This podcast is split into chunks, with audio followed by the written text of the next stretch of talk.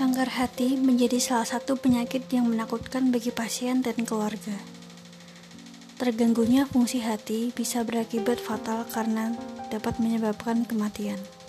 Namun, bukan berarti penyakit kanker hati tidak bisa disembuhkan, karena tingkat kesembuhan sangat bergantung pada kondisi pasien, fungsi hati, dan stadium kanker itu sendiri. Tak ketinggalan adalah metode pengobatan dan tindakan operasi yang dilakukan oleh dokter. Berikut ini adalah cerita dari dokter melihat peluang dan tantangan operasi kanker hati di Indonesia.